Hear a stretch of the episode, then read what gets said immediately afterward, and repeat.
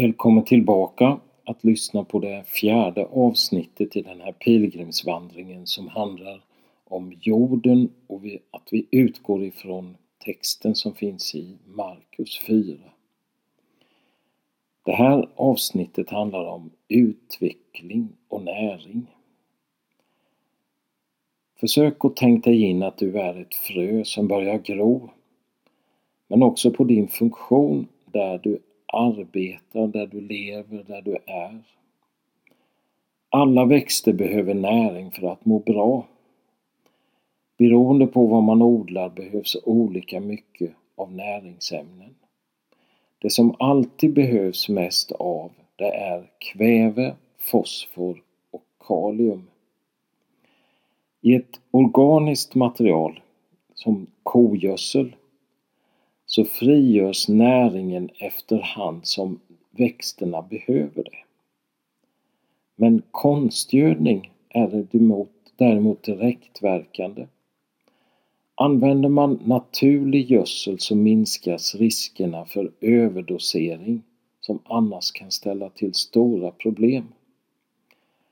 Kväve det stimulerar bladtillväxten och växter när man äter det gröna som sallad eller annat som bönor, då behöver man mycket kväve. På de växterna som ger frukter kan för mycket kväve resultera i små och dåligt utvecklade frukter och blommor.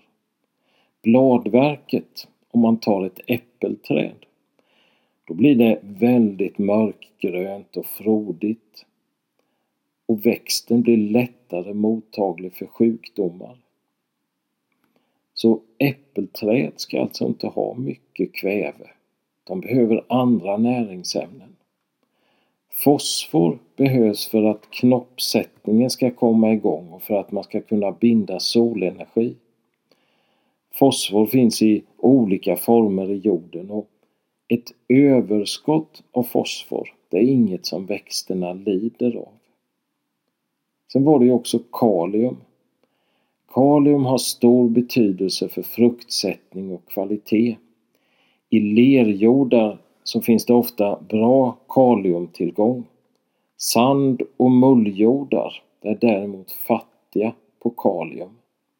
Och brist på kalium det visar sig som bruna och vissna bladkanter. Vi behöver alltid olika näringsämnen i våra liv. Och en växt behöver också tid för att växa.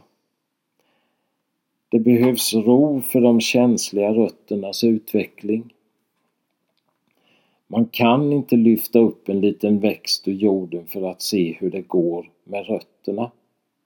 Och en växt behöver också värme, växtro och få komma lite i lä. Här behövs också rätt näring av rätt sort, för varje växt är ju helt unik. Om vi nu tar detta till våra egna liv, kväve, fosfor och kalium, kan det vara kärlek som är värme och, och närhet och så har vi omtanke.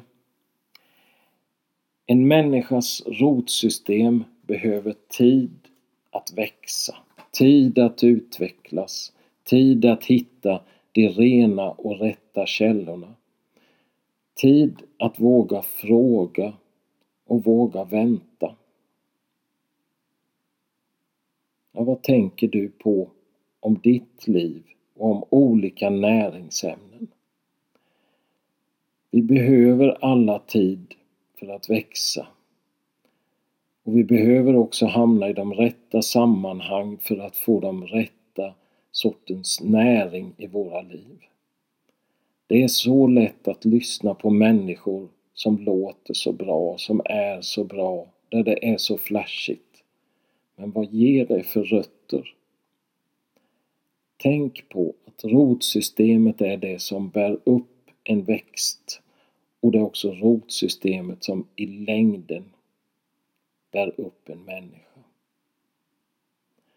Nästa station, nästa andakt, Det ska handla om ogräset.